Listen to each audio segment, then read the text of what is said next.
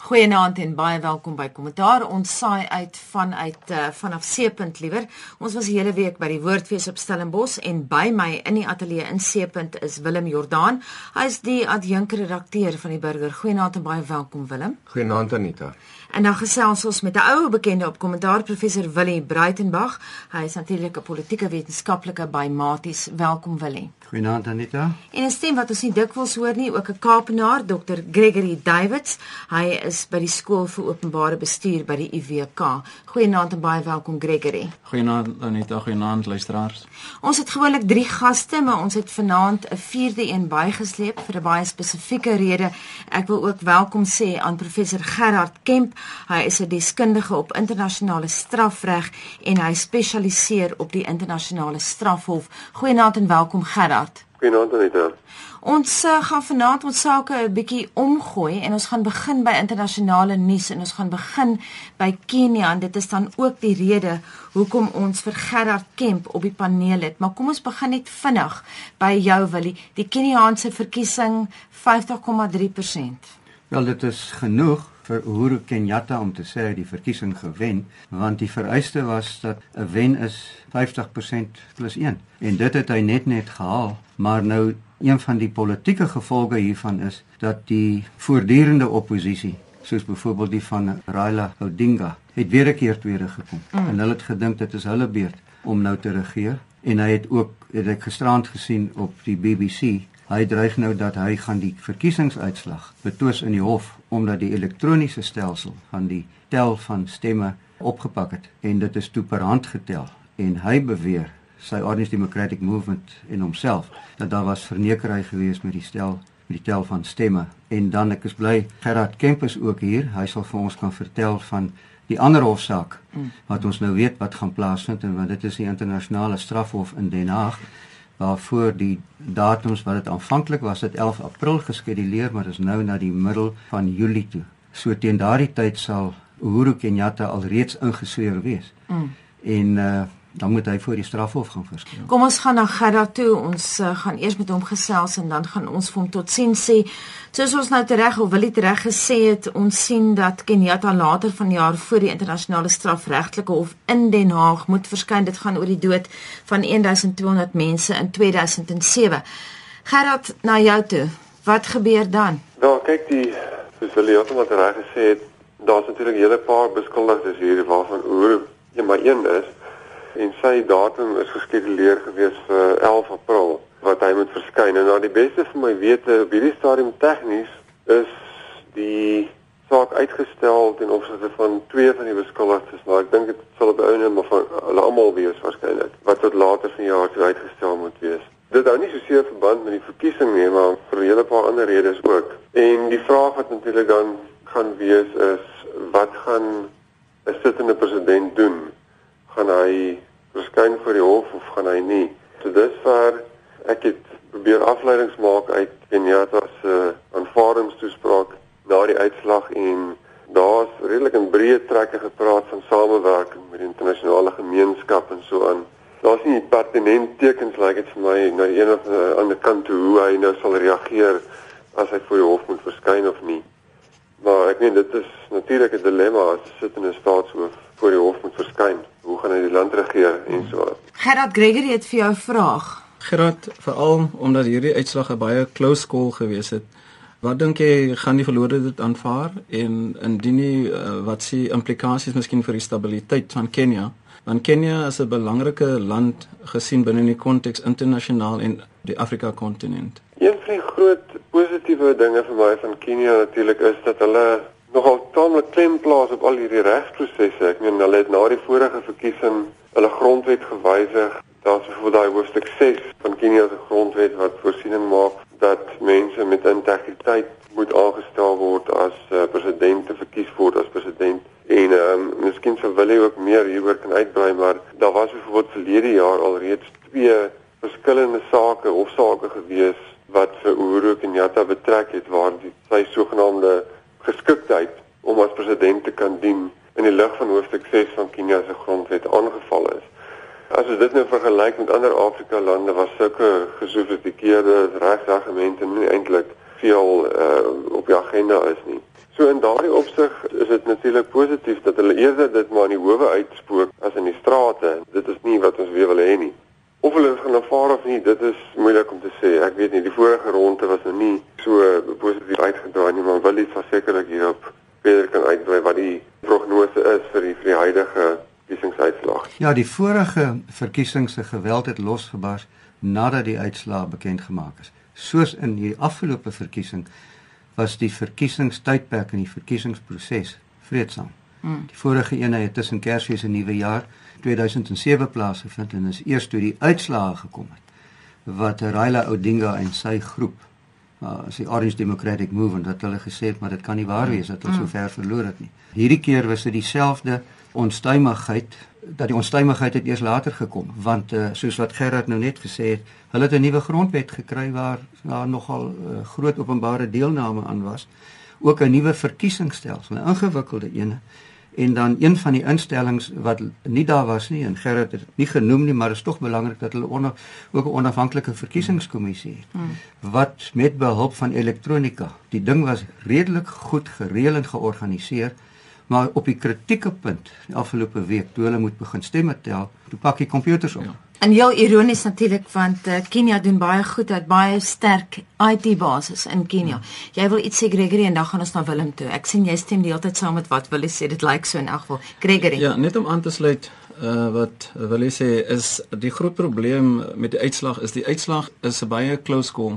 Die oppositieparty in hierdie geval het al klaar gesê maar daar's 'n hele aantal votes wat ons in Suid-Afrika die spoil ballots. Dit kan 'n probleem wees en soos uh, wil jy ook tereg het gesê het die elektroniese stelsel het uh, probleme veroorsaak. So dan onmiddellik kom die menslike fout ter sprake. So ek ek hoop nie dat ek so sê ek dink hierdie uitslag is finaal nie. Ek dink ons sal maar moet kyk wat die uh, die verloder in hierdie geval gaan doen en ons hoop net soos dieselfde in 2007 nie. Kom ons kyk 'n bietjie die buurlande het natuurlik vir Kenia gewaarsku en gesê ons wil nie weer 'n herhaling van 2007 2018 nie. Willem en ons weet ook dat die Keniane 350 miljoen dollar gespandeer het om hierdie verkiesing 'n sukses te maak en dit was dan betreklik vreedsaam. Ja, inderdaad, uh, Anita, ek dink uh, die druk van die buurlande is groot is een faktor maar terselfdertyd internasionaal ook. Jy, jy weet Kenia is 'n is 'n handelspoort na Oos-Afrika en en Sentraal-Afrika en dit is 'n belangrike basis vir die VN en terselfdertyd ook 'n belangrike vasdrapplek vir Amerika se stryd teen terreur. En as jy kyk na die diplomatieke uitlatings van Amerika se kant af, is daar werklik groot druk op Kenia om die proses vreedsaam te laat verloop, veral met die wortel van verhoogde buitelandse belegging en buitelandse steun wat voor hulle gehou word. En dan net binnelands, ek dink dit is bemoedigend dat Raila Odinga ten spyte van die feit dat hy gesê het hy gaan die uitslag in die hof betwis, het hy baie duidelik gevra dat sy ondersteuners hulself van geweldpleging moet weerhou. Mm omdat Kenia eenvoudig nie nog 'n ronde van sulke geweld sal kan verdra nie. Willem as 'n joernalis wil ek jou 'n vraag vra. Baie interessant vandag. Die Sunday Independent skryf dat die Keniaanse media ook bygedra het tot die sukses van 'n vredesame verkiesing. Hulle het gesê die media het besluit hulle gaan nie regstreeks nuuskonferensies uitsaai nie ten einde geweld tot die minimum te beperk en die gevoelens op te sweep nie. Baie wyse besluit. Ja, dis 'n interessante besluit, maar ek dink dit is ook tot 'n mate verteenwoordigend van wat in die Keniaanse samelewing aan die gang was. Ek dink baie van die kiesers wil eenvoudig nie weer daardie geweld van 2007-2008 hê nie. Ons sal met aanbeweeg na ander stories toe, maar kom ons gaan net vinnig terug na ons nuuslys toe. Willem het vir ons 'n nuuslys saamgestel.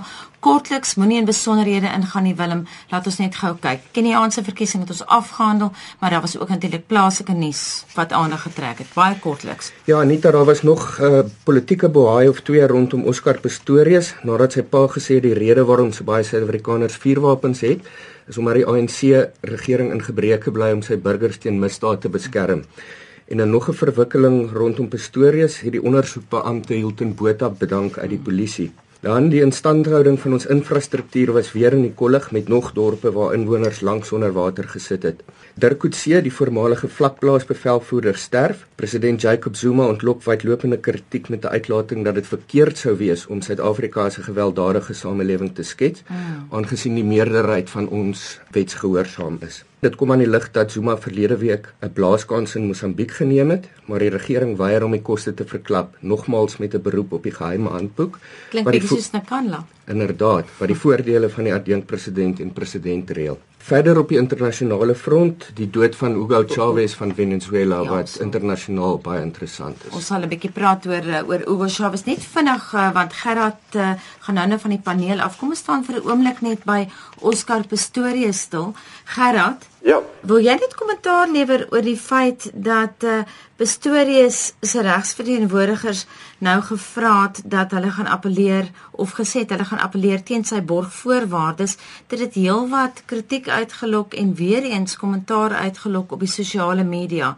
Kommentaar vanuit 'n regsoogpunt en dan gaan ons na Gregory toe. Wel, die eerste punt om te maak is natuurlik dat hy kan appeleer daarteen. Daar's niks vreemd of fout daarmee nie, maar die Die groot vraag is waarskynlik die persepsie wat wat dit ontlok. Ehm um, en nie soseer die die inhoudelike tegniese voorwaardes nie, want as mens elkeen van daai voorwaardes in isolasie gaan beskou, dan byvoorbeeld sal 'n mens kan wys op sake waar 'n hof al bevind dat iemand wat oor 'n buitelandse paspoort beskik kan geregtig wees op borgtog, gegee al die ander faktore. So dis altyd baie moeilik om die goed uit te lig en en jy weet dit in isolasie te beskou. Vir my is die en dit is eintlik meer 'n politieke vraag as iets anders of 'n persepsievraag as iets anders. Is watter syne stuur stuur die omtrent totale appel teen omtrent al die borgvoorwaardes aan. Dit sluit in sy paspoort en omtrent elkeen van die items wat Landros neer opgelê het.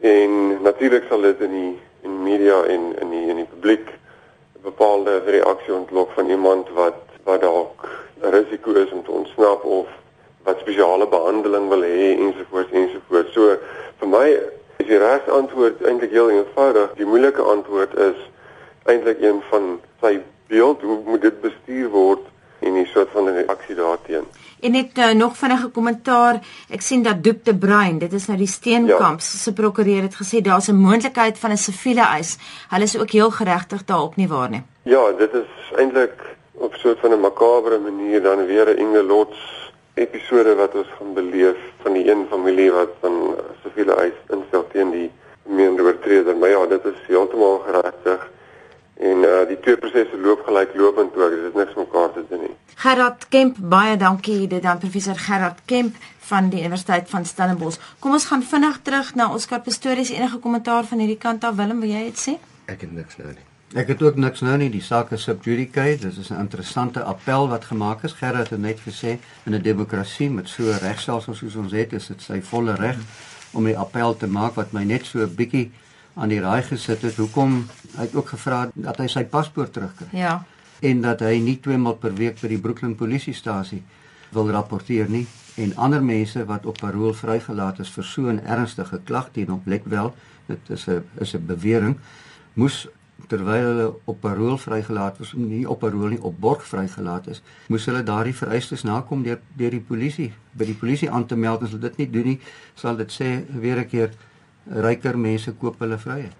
Kom ons kyk na Dirk Kotse se dood hier. Ek weet wil jy baie oor te sê. 'n uh, Kommentaar vinnig van jou kant af luisteraars wat nog nie die Sunday Times vandag gesien het nie, gaan kyk na um, die review opinion blad en daar's 'n wonderlike spotprent uh, deur Shapiro oor Dirk Coetzee. Dis nou baie ligtelik, maar natuurlik 'n ernstige saak en baie daaroor geskryf hierdie week. Uh, ons kollega Willem Jacques Pau het baie daaroor te sê gehad. Hy het natuurlik die storie baie nou gevolg hy weekblad het dit gebreek. Kom ons gaan gou-gou na Gregory toe vir kommentaar. Ek dink die die die die naam self bring op baie mense se lippe 'n uh, baie bitter en uh, smaak want Dirk Coetzee was 'n episode in die politieke his ehm um, geskiedenis van hier van hierdie land wat miskien nie 'n baie goeie uh, geskiedenis gewees het nie. Interessant ook Jacques Pau. Hy sê eintlik dat ehm um, Dirk Coetzee het eintlik maar net tevore gekom uh, oor die vlakplaas om homself vrywaring te kry. Nie noodwendig omdat hy um, uh, daadwerklik uh, binne sy hart bely het nie. En interessant ook uh, in die in die burger van gister. Ek dink die opspraak onder Kotse of in die week se opspraak was die basies wat Kotse sê dat ek kon nog meer gemoor het. Hmm. So ek dink miskien in daai opset ehm uh, dit's deel van ons geskiedenis en ek hoop nou en ons almal as Suid-Afrikaners uh, wil nie weer daai geskiedenis moet herhaal word nie.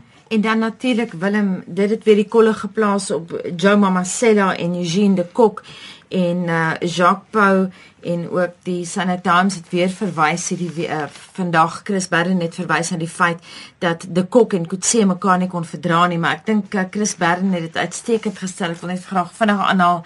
Um, hy skryf hierso Kutse en de Kok het glad nie van mekaar gehou nie and they only met twice face to face and they cordially detested each other en ons weet natuurlik daar was 'n insident met 'n uh, bombrief wat of 'n bompakkie wat gestuur is Lusaka toe. Dis korrek wat uh Dirk uh, Kutse uiteindelik toe nie oopgemaak het nie. Wat die kok aan aan Kutse gestuur het. Dis korrek. Ehm um, die kok was agter Kutse se bloed aan en uiteindelik het uh die regsverteenwoordiger dit oopgemaak en nie Kutse nie. Ek wil aansluit by by wat Gregory gesê het in in die dat die dood van Dirk Kutse interessant is in die opsig dat dit ons herinner dat die verdelings van die verlede en die gewelddadigheid van apartheid ons nog nie heeltemal agter ons gelaat het nie. En ek mm. dink twee eintlik onskynlik onverwante gebeurtenisse dieselfde week het dit het dit illustreer. En die een is Oscar Pistorius se pa, Henke Pistorius wat gesê het die feit dat die ANC regering mense nie teen misdaad beskerm nie is die rede waarom so baie mense vuurwapens het. En hy het spesifiek gesê in die konteks van wat hy waarneem as dat wit mense die slagoffers van geweldsmisdaad was. Dan in dieselfde week president Zuma wat in die huis van tradisionele leiers verwys het na die rol wat die apartheidsverlede en die gewelddadigheid daar steeds speel om van Suid-Afrika of 'n sekere vlak van geweld in Suid-Afrika in stand te hou. Dit is heeltemal korrek, maar hy het nie verwys na die rol wat die ANC gedurende die die apartheidstyd gespeel het nie. Maar hoekom ek hoekom hierdie twee gebeurtenisse op 'n manier vir my belangrik is, is dat dit wys dat die politieke geweld van die 70s en 80s um, op 'n manier vervang is deur die verpolitisering van geweld in die nuwe Suid-Afrika dit is nie minder dodelik as wat ons in die verlede gesien het nie want dit is 'n enorme hindernis om mm. eintlik uit te kom by die komplekse oorsake van geweld in ons land. Julle is nou twee politieke ontleeders. Stem julle saam met Willem Willie? Ja, ek stem saam basies. Ek kan ook net twee ander klein puntjies, verwante puntjies byvoeg. Die plaas vlakplaas is 'n plaas wat die wat die polisie ingerig het vir geswaaide ANC sogenaamde terroriste van daai tyd. Hulle bly in die kampe en dan swaai hulle en dan word hulle informante vir die staat. Hmm. En die woord daarvoor is askaris. Dit is glo 'n woord wat uit Turks uitkom. Dis 'n ou Turkse woord. Die geswaaide askaris word dan hulle agente wat in die townships ingaan en dan vir die polisie kom vertel wat daar aangaan. Die punt wat ek wil maak is nadat Dirk amnestie gekry het deur die Wêreldse Versoeningskommissie, het hy self 'n soort van 'n askari geword want hy het toe geklik op mm. Eugene de Kok. Mm. Uh, de Kok. Ja, Eugene de Kok. Hy het toe uitgewyk na die buiteland toe. En uh hy teruggekom en hy het gehoop om 'n lekker jobbie by die ANC te kry. En heeltemal stom gewees toe hy dit gekry het. En heeltemal stom van verbasing en soort van ek dink nie hoe hy realisties kon gedink het die ANC vir hom 'n jobbie sou gegee het nie, maar hy het dit verwag. So die interessante ding is hy het wel amnestie gekry maar hy is nooit beloon deur die ANC nie, hy het so 'n verwagting gehad. Hmm. Ek wil net vir 'n oomblik aansluit by wat Willem gesê het want ek dink dit is 'n baie relevante punt. En Willem, jou punt is dat die Cape Times ook hierdie week gemaak in 'n hoofartikel dat Dirk Coetzee se dood herinner ons dat we have not yet outlived the trauma of apartheid. En dit sluit aan by wat hmm. Willem gesê het. Nou kom ons president en sê wel ons is nie eintlik so gewelddadig nie maar kom ons gaan na jou toe Gregor jy kyk uit 'n totale ander oogpunt daaruit Ja, ek ek ek sal eerder kyk, ehm uh, ek, ek stem saam met wat wat Willem gesê het in jouself. Ek dink ons ehm um, geweld is nog altyd ehm uh, deel van die groot sosiale probleme binne Suid-Afrika.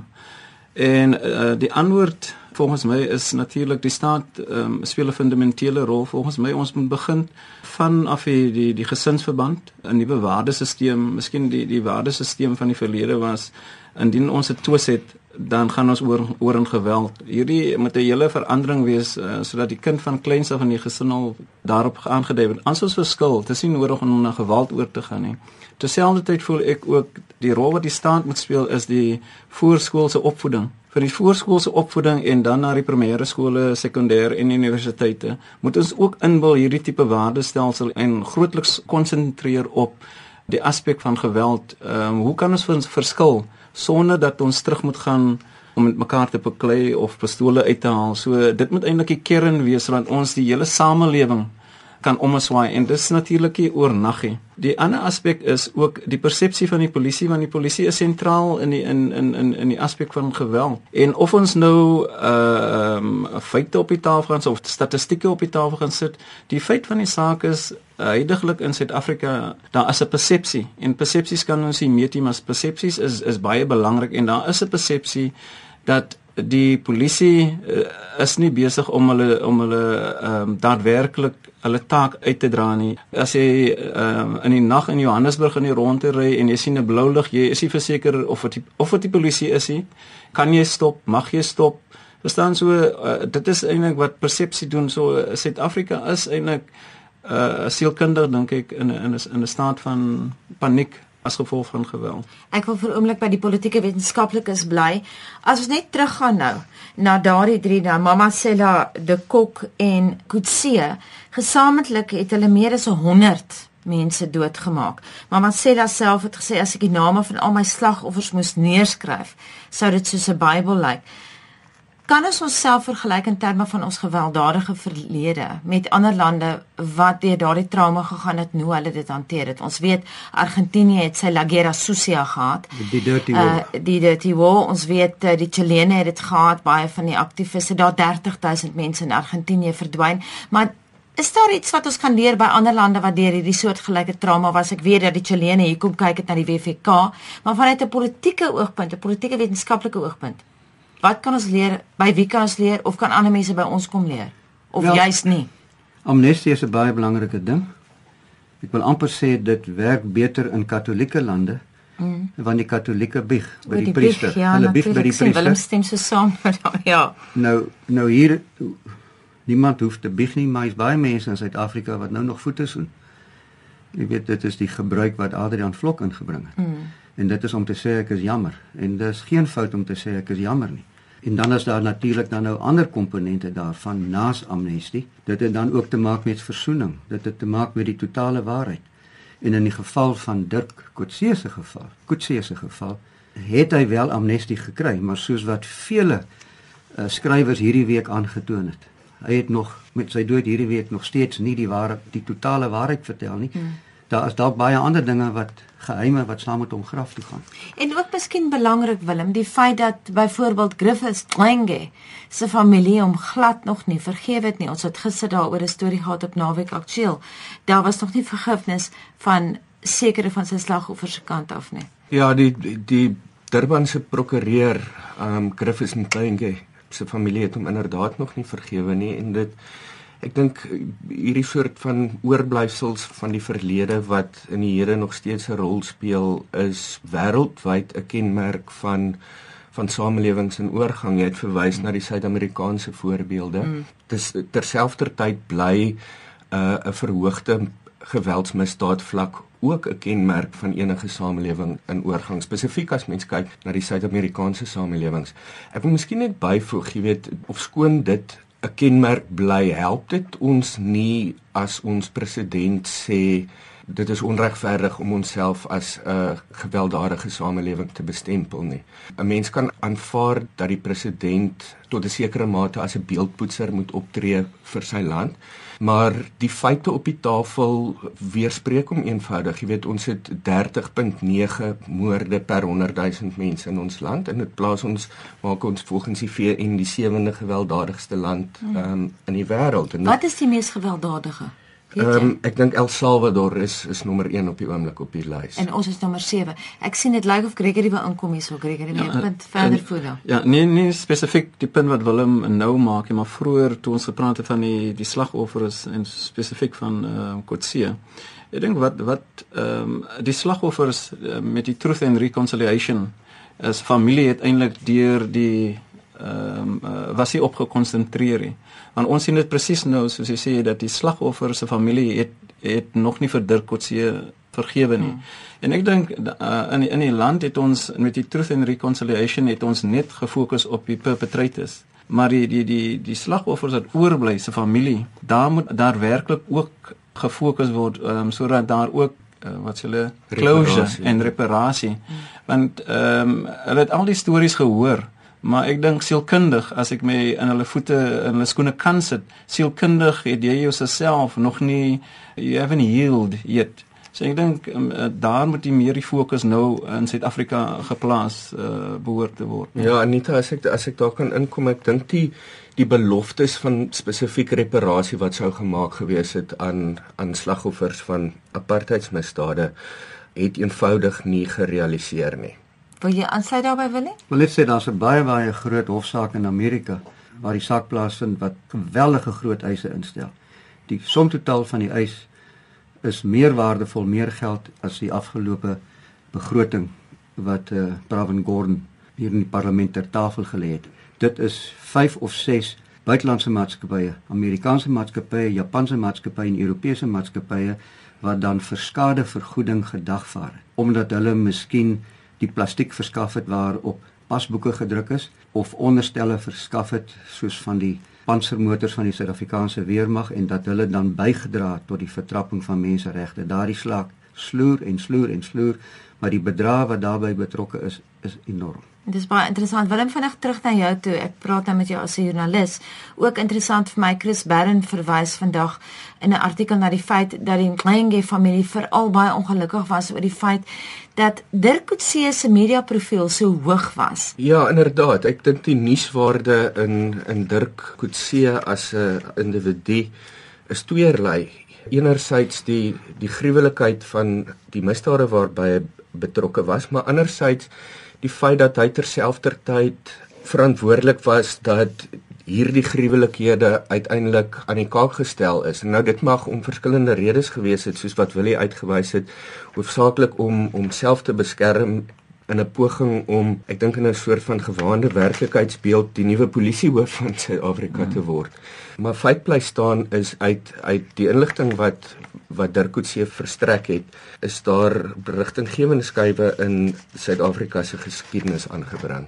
Ons moet aanbeweeg na die dood van Hugo Chavez, uh, 'n populistiese swaar gewig van Suid-Amerika. Miskien moet mens vinnig die Independent in Londen aanhaal wat geskryf het, uh, he was no run of the mill dictator. His offences were far from the excesses of a Colonel Gaddafi. He was an illusionist, a showman who used his powers of persuasion to present a corrupt autocracy fueled by petrodollars. En dit is interessant ek weet ook natuurlik die middelklasse in Venezuela het niks van hom gehou nie. Hy was 'n populis groot vriende met Cuba gewees maar wil hy vanuit 'n politieke wetenskaplike oogpunt wat is sy nalatenskap behalwe nou dit van die chavistas wat hom so gevolg het? Wel een van sy nalatenskappe is soos die van Che Guevara en die ooreenstemming tussen die twee hulle het Amerika met 'n passie gehad Ja, dan ook elke Sondag het hy mos so op uh, Sondagmiddag het ja, hy televisie 'n uur lange televisieprogram gehad waar hy net sy Amerikaners bygekom het elke Sondag. En hy het wel 'n informele staatelike interstaatelike bondgenootskap tot stand gebring met homself, Venezuela daarin, Ecuador en natuurlik Cuba. Hmm. En 'n ander land met wie hy hulle het nie van hierdie ander lande het nie olie nie, soos byvoorbeeld Cuba. Hy het olie gelewer aan Cuba teen 'n verskriklike lae prys. Daardeur het hy geld as ware weggegee want oliepryse het begin styg. Hy kon van daardie geld gebruik het vir verdere opheffing van dit wat vir hom belangrik was by die huis, naamlik armoedeverligting en ook verhoging van die geletterdheidskoste. Voetnote: Hy het nogtans geslaag daardeur om armoede te verlig en hy het ook daarin geslaag om die geletterdheidskoers in uh, Venezuela aansienlik op te stoot. Maar sy prioriteite was verkeerd. Hy's nie 'n ou wat nooit verkiesing gehou het nie, maar hy het seker gemaak dat hy verkiesings nooit verloor nie.